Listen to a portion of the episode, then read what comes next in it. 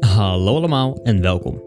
Mijn naam is Mike en in deze aflevering lees ik Het Huisje in het Bos van Teuntje van Zandwijk. Dit is Verhalen voor het slapen gaan.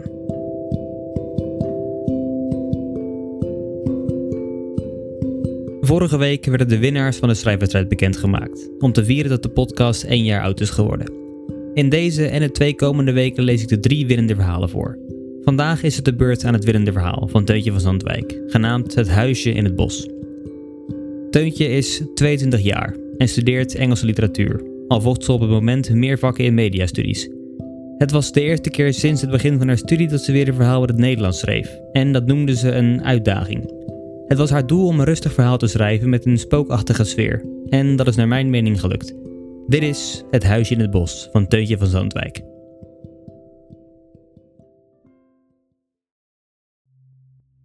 Het Huisje in het Bos. Ik wilde gewoon slapen. Dat is alles wat ik ooit heb gewild. Een goede nachtrust. Oké, misschien wil ik ook een persoonlijke bibliotheek in mijn huis en een kat of twee, maar op dat moment wil ik het liefst gewoon een ononderbroken nacht. Een diepe, droomloze, lange slaap. Is dat nou zoveel gevraagd? Nou, ja dus. Blijkbaar wel. Ik was net verhuisd naar een klein huisje op het platteland. Het was midden in een bos en moeilijk te vinden, maar dat zorgde ervoor dat ik het kon betalen. Ik had toch niet veel vrienden of familie die op bezoek zouden willen komen en zelf ging ik ook niet graag uit. Liever bleef ik thuis met een kop thee en een mooi verhaal. Voor mij was dit huisje perfect. De weg er naartoe was een zandweg vol gaten, waardoor je langzaam moest rijden. Hoewel sommige mensen het irritant zouden vinden, ik waardeerde de gefaseerde rust. Dat was überhaupt de reden dat ik was verhuisd naar het platteland. Rust. Ik moest weg van het drukke levensstijl, die me naar een zware depressie hadden gebracht. Na een wens om er een einde aan te maken, besloot ik dat het genoeg was. Ik nam ontslag en begon te zoeken naar nieuwe woningen. De eerste advertentie die me aansprak was van dit afgelegen huisje. En zo verhuisde ik naar een dorpje ver van mijn oude leven en solliciteerde naar een baan in de lokale boekwinkel. Een rustig tempo was wat ik nodig had. En het voelde welkomend aan dat de weg naar mijn huis dat gevoel repliceerde. Ik parkeerde mijn auto in de smalle oprit naast mijn nieuwe huisje. Het was klein. De muren begroeid met klimop en mos bedekte delen van het dak. Zodra ik de motor uitdeed hoorde ik het tjilpen van de verschillende soorten vogeltjes. Ik begon spontaan te lachen, overweldigd door zo'n simpel iets. Ik was er zeker van dat ik rust kon vinden hier. Een dag later, maandagochtend om 10 uur, stond ik voor de deur van mijn nieuwe werkplek. Mijn baas was een jonge vrouw die Engelse literatuur had gestudeerd, net als ik, en haar eigen boekwinkeltje was begonnen. Ze was een schat van een persoon. En haar winkeltje was een extensie van haar persoonlijkheid. Warm, schattig en gezellig. Ik had alleen nog geen sleutel gekregen. Dus hoe gezellig en warm het ook was binnen, ik voelde op dat moment vooral een koude wind. Ik had alleen een dunne jas aan, want het was juni en zonnig weer had de standaard moeten zijn. Ik zuchtte en stak mijn handen wat dieper in mijn zakken. Het weer in Nederland doet nooit wat je verwacht. Sorry. Ik keek op. Gwen, de baas, kwam gehaast aangerend. Sorry, moest je lang wachten? Normaal ben ik gewoon op tijd, maar mijn hond had een gat gebeten in mijn schoenen. En mijn enige andere paar lag in een doos ergens bovenop een kast. En ik ben klein en ik had me al verslapen en... Ze hapte naar adem en leunde op haar knieën, nahijgend van het rennen. Ik lachte stilletjes. Geen zorgen, ik vind het nooit erg om te wachten, zei ik. Ik heb meerdere keren langer dan een uur op een trein moeten wachten omdat er weer een of andere storing was. Gwen rechte haar rug en lachte. Dat herinner ik me ook nog van mijn studententijd. Ik las dan altijd een boek. Of ja, probeerde te lezen. Ik raak snel afgeleid als het niet stil is om me heen, antwoordde ze terwijl ze haar tas opendeed om te zoeken naar de sleutels van de winkel. Ik ook, al haalde ik eerst altijd een kop thee als troost, zei ik. Gwen stak triomfantelijk haar sleutels in de lucht voordat ze de deur van het slot draaide. Over gesproken, zullen we beginnen met een kopje? Even rustig op gang komen en elkaar een beetje leren kennen voordat ik je alles uitleg. Ik heb me zo gehaast vanochtend, ik moet even rustig zitten eerst. Ik heb heel veel soorten thee. Persoonlijk houd ik van bosvruchtenthee, maar ik heb alle soorten. Iedereen die hier werkt houdt van thee en klanten kunnen ook terecht voor een kopje. Ik volgde Gwen naar binnen terwijl ze door bleef kletsen. Veel klanten die komen, komen niet voor de boeken, maar voor ons café. In een dorpje zoals dit heb je niet per se zoveel lezers, maar we organiseren regelmatig leesclubs in de avond en weekenden. Daar is het cafégedeelte. Ga zitten. Ik kom zo terug met de thee. En daarmee verdween Gwen door de houten deur. Zo stond ik in mijn eentje in het midden van een stille boekwinkel. Ik bleef eerst stilstaan, ongemakkelijk en onzeker om alleen te zijn in een nieuwe omgeving, voordat ik langzaam naar een tafeltje liep. Proberend de stoel zo min mogelijk te verschuiven ging ik zitten. Eenmaal zittend liet ik mijn ogen dwalen door de winkel. De stoelen en tafels waren donker hout, net als de boekenkasten, maar de muren waren een licht beige, net als de pagina's van een oud boek. Het deed bedenken aan een hobbithuisje. Op de muur boven de kassa stond zelfs een quote van Tolkien. All we have to decide is what to do with the time that is given to us. Met daaronder in slordig handschrift geschreven: I'm choosing to enjoy myself with a book and a cup of tea. What about you? Bam. Ik sprong op uit mijn stoel, maar omdat ik mijn stoel bijna niet had verschoven, botste mijn been hard tegen de tafel en viel ik meteen terug op de stoel, handen grijpend naar mijn been. Het lukte nog net om mijn lippen op elkaar te drukken zodat er geen geluid ontsnapte van de pijn. Dat zou te gênant zijn. Oh, sorry. Ik vergeet altijd dat die deur zo hard dichtvalt. Gwen kwam babbelend binnenlopen met een vol dienblad in haar handen. Klanten schrikken ook altijd van mij. En Percy, die werkt in het weekend, zegt ook altijd dat ik meer moet opletten. Ik heb thee. Ik glimlachte door de pijn heen terwijl ze het dienblad neerzette en zelf ook plaatsnam. Ze glimlachte terug. Sorry trouwens. Ik weet dat ik veel praat. Ik doe dat wanneer ik nerveus ben, zei ze snel. Ze bewoog haar handen terwijl ze sprak. Schattig. Ik heb het tegenovergestelde. Ik val stil wanneer ik nerveus ben, antwoordde ik. Gwen glimlachte begrijpelijk naar me en pakte een van de mokken met heet water en zette hem voor mij neer. Hier, thee helpt altijd als je je nerveus voelt. Welke smaak wil je? Ik heb gewoon de hele doos gepakt, zodat je zelf kon kiezen.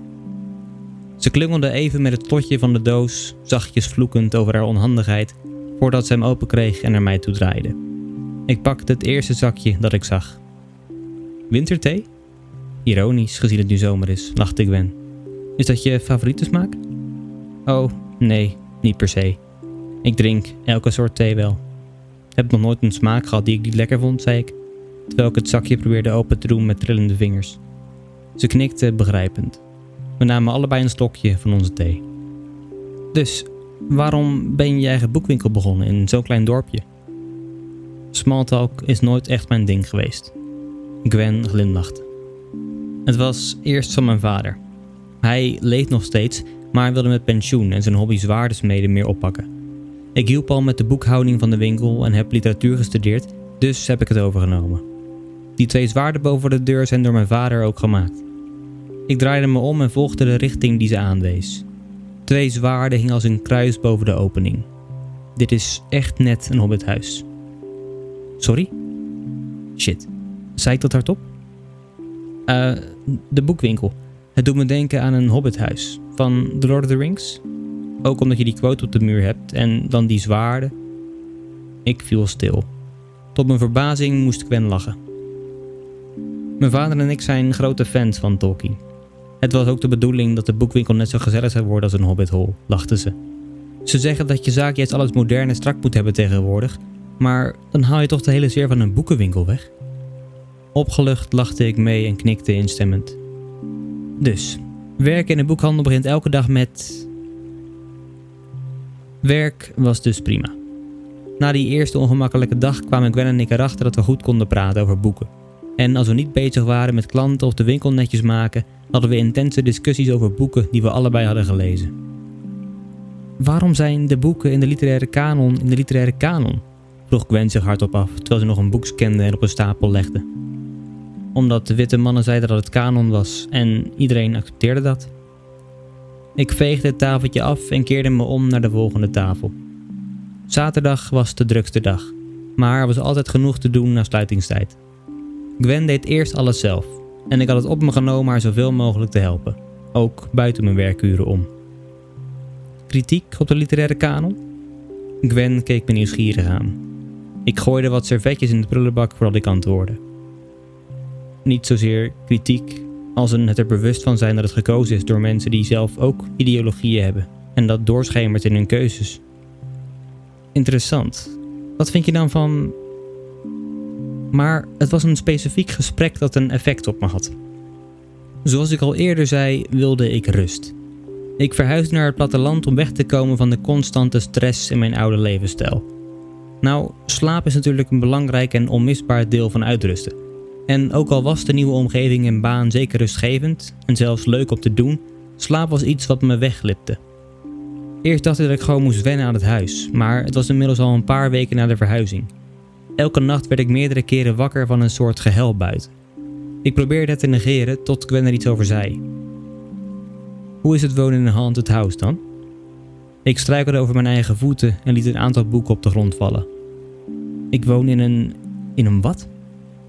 Gwen keek me verbaasd aan. Wist je dat niet? Jouw huisje is er bekend omdat het er spookt.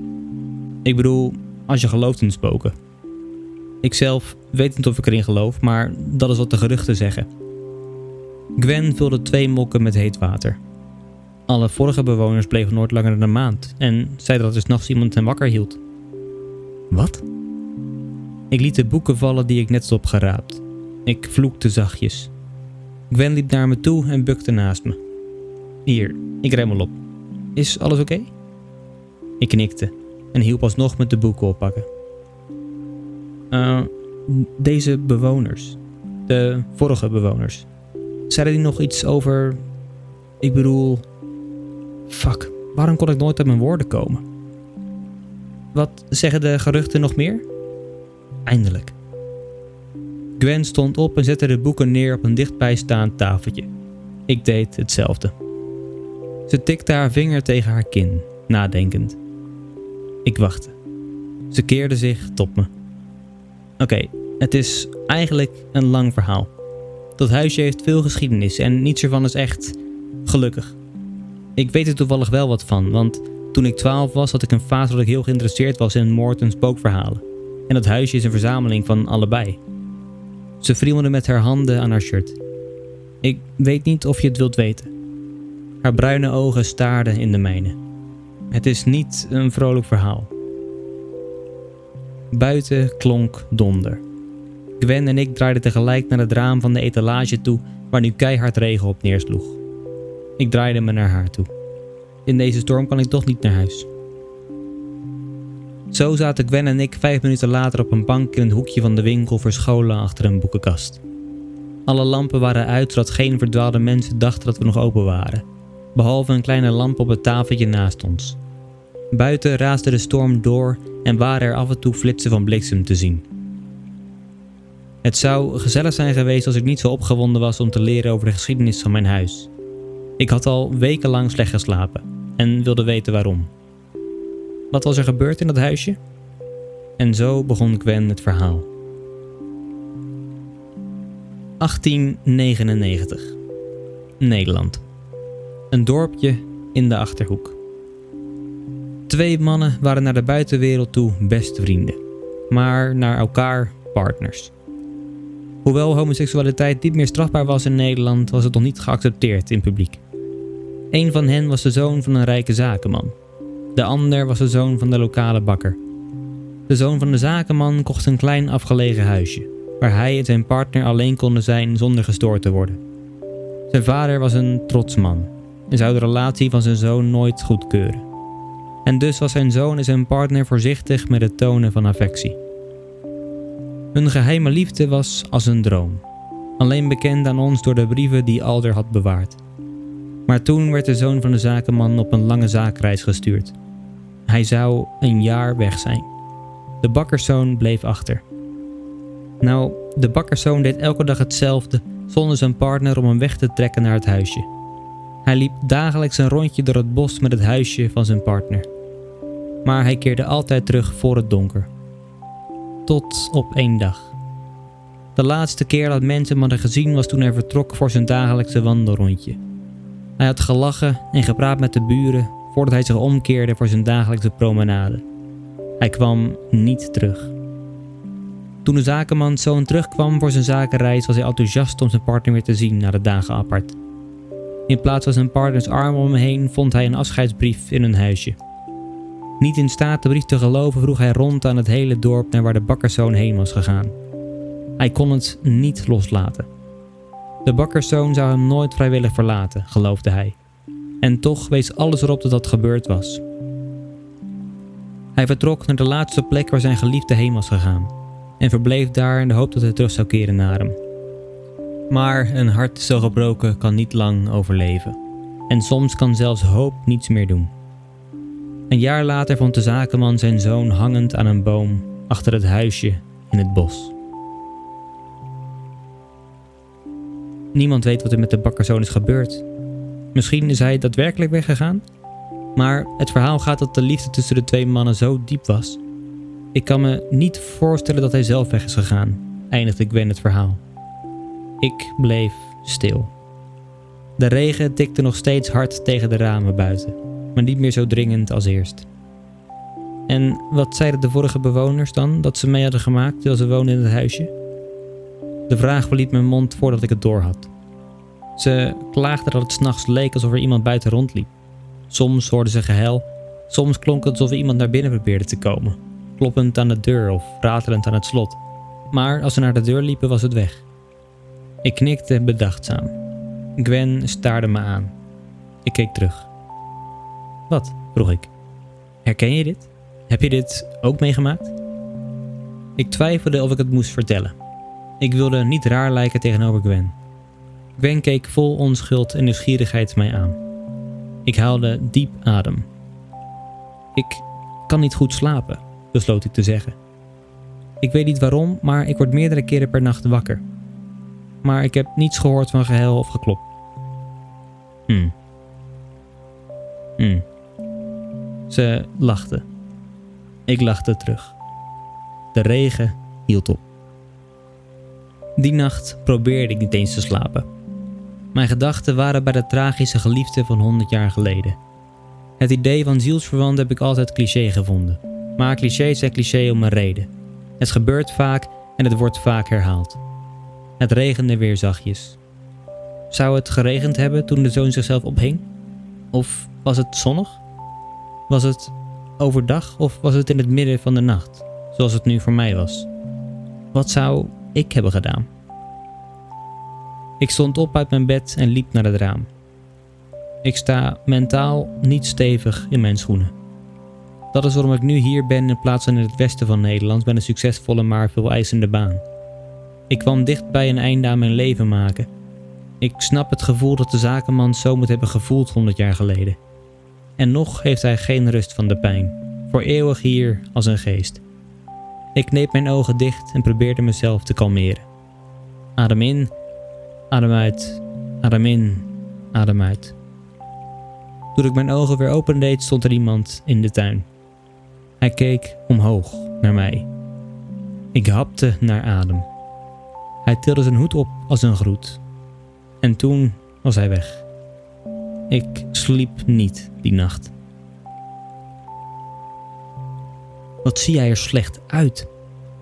Ik staarde in Gwens ogen. Dank je, antwoordde ik. Ik voelde me slecht, maar om te horen dat je dat ook uitstraalt is nooit fijn. Ik bedoel het niet gemeen, antwoordde Gwen snel, haar handen en hoofd schuddend in ontkenning. Ik bedoel het bezorgd.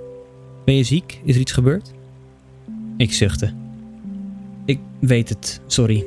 Ik heb gewoon niet geslapen afgelopen nacht, antwoordde ik voordat ik me omdraaide om de volgende doos boeken op te pakken. Door de geschiedenis van jouw huisje? hoorde ik Gwen achter mij zeggen. Ik stopte en draaide me langzaam om. Gwen keek me bezorgd aan. Als ik iets had gezien, zou je me dan geloven?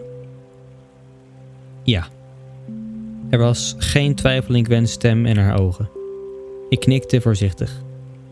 Je gelooft in geesten? vroeg ik. Ja, jij niet? kaatste ze terug. Ik keek weg en tilde de doos op. Ik had nooit stilgestaan bij spookverhalen, maar wat kan het anders zijn wat ik gisternacht zag?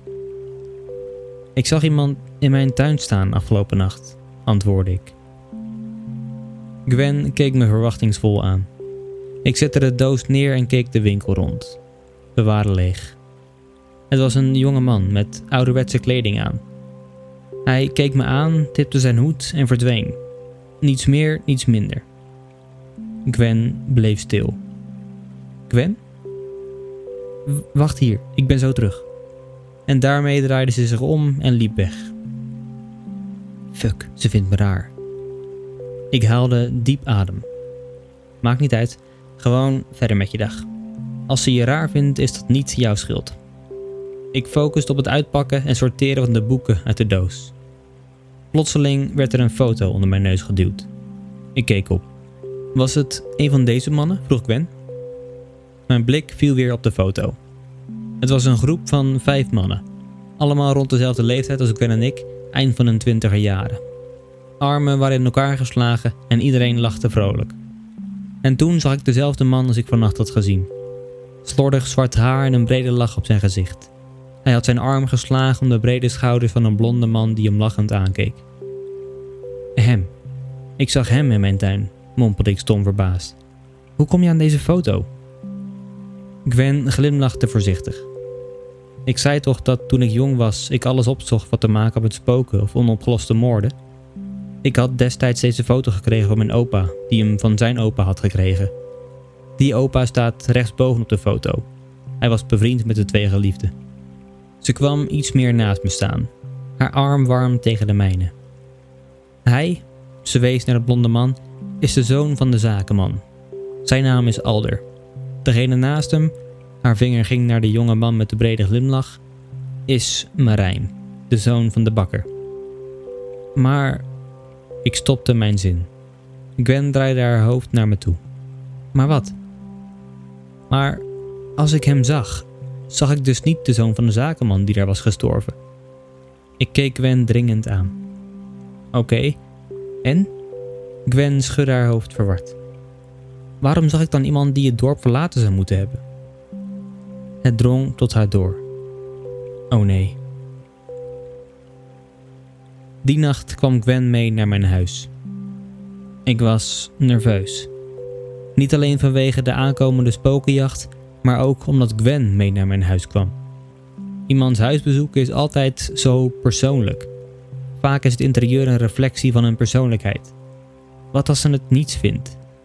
En dus mij niets vindt. Ergens wist ik wel dat deze angsten ongegrond waren. Met elke dag samenwerken voor meerdere weken achter elkaar word je snel bevriend, maar dat is op werk.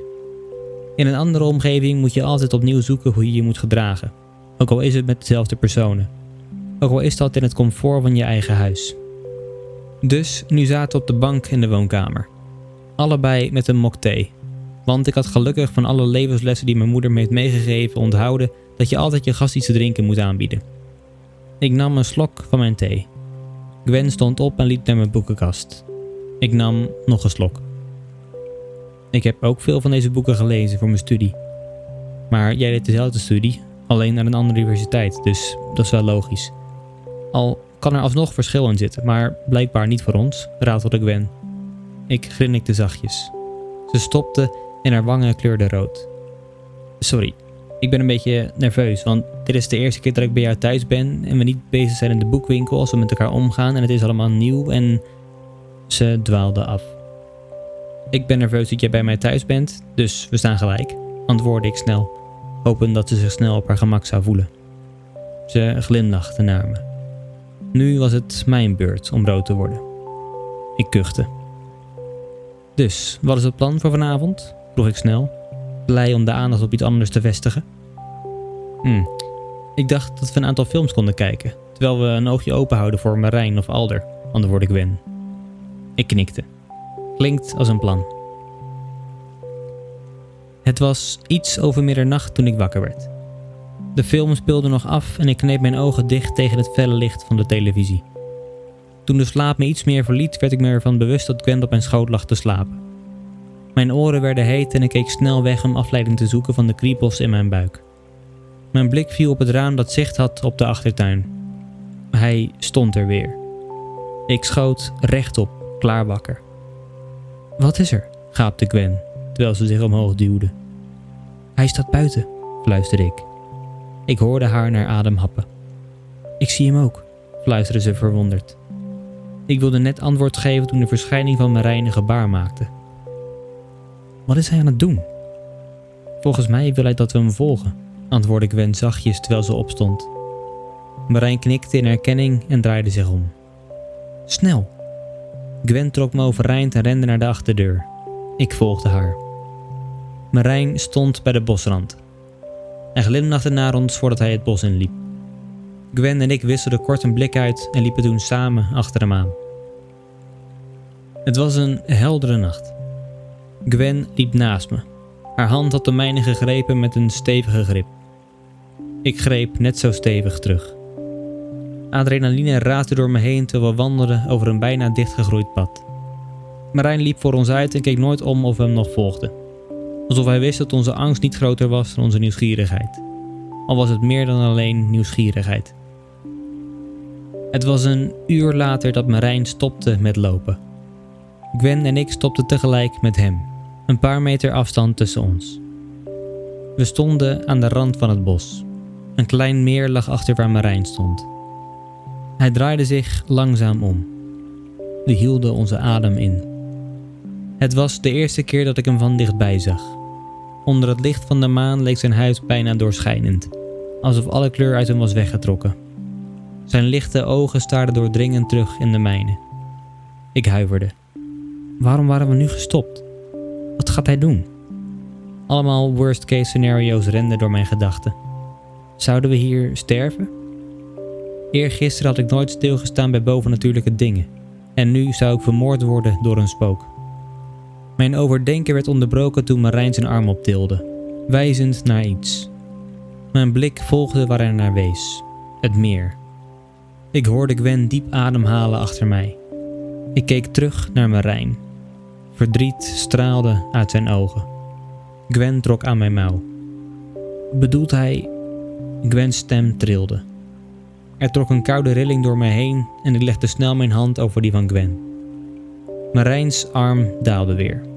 Ik slikte, maar gaf geen antwoord, bevroren onder Marijns verwachtingsvolle blik.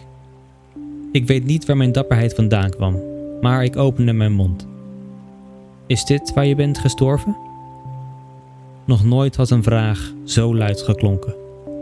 Marijn knikte. Was je verdronken? Marijn keek moeilijk. Ik hield mijn adem in. Toen schudde hij zijn hoofd. Gwen greep mijn arm nog harder. Ik probeerde mezelf zo kalm mogelijk te houden.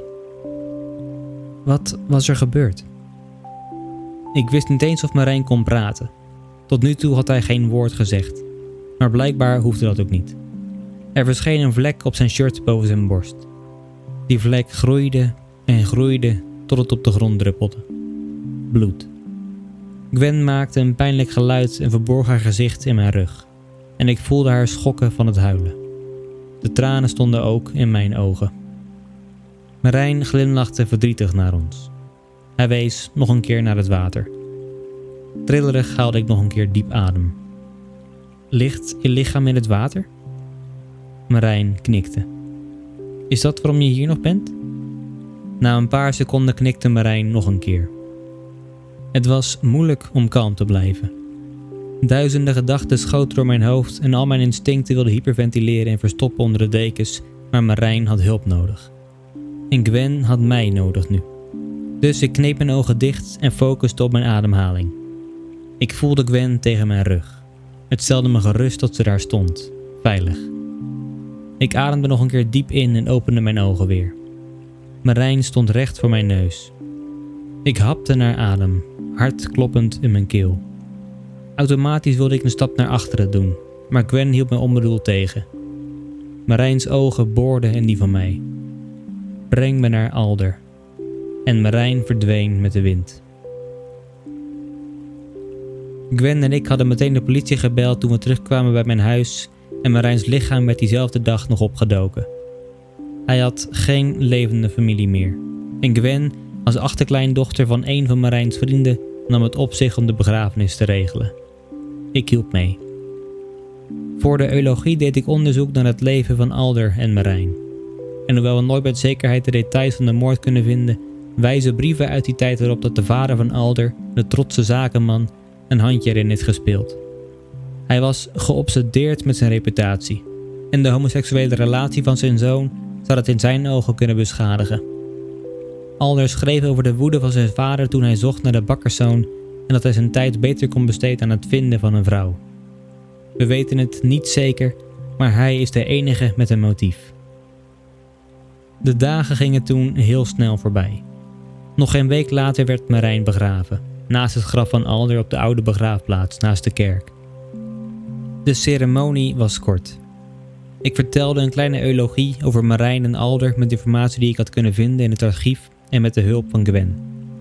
En het eindigde met het gedicht Annabel Lee van Edgar Allan Poe, dat Gwen had uitgekozen en voorlas. Het gaat niet over twee mannen, maar het is nog steeds erg passend. Net als de karakters van het gedicht zijn Alder en Marijn weer samen, ongeacht de pogingen van anderen om ze uit elkaar te houden. Zelfs dood kan ze niet gescheiden houden. En toen we de bloemen op het graf lieten vallen, kon ik zweren dat ik Marijn en Alder zag staan aan de rand van het kerkhof, hand in hand. Al verdwenen ze net zo snel als dat ik ze zag. Ik kwam hier voor rust en in plaats daarvan vond ik een tragisch liefdesverhaal, een spookhuis en een honderd jaar oude moordzaak. En misschien, hopelijk, ook mijn eigen liefdesverhaal, dat in deze tijd minder gevaarlijk is dan het destijds voor Alder en Marijn was. But our love it was stronger by far than the love of those who were older than we, of many far wiser than we. And neither the angels in heaven above, nor the demons down under the sea, can ever dissever my soul from the soul of the beautiful Annabel Lee. Edgar Allan Poe, Annabel Lee.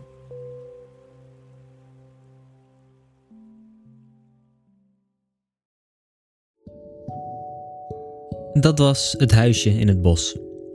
We lezen hoe de hoofdpersoon vertrekt naar een klein huisje op het platteland, gaat werken in een boekhandel en langzaam maar zeker verzeild raakt in een oud liefdesverhaal.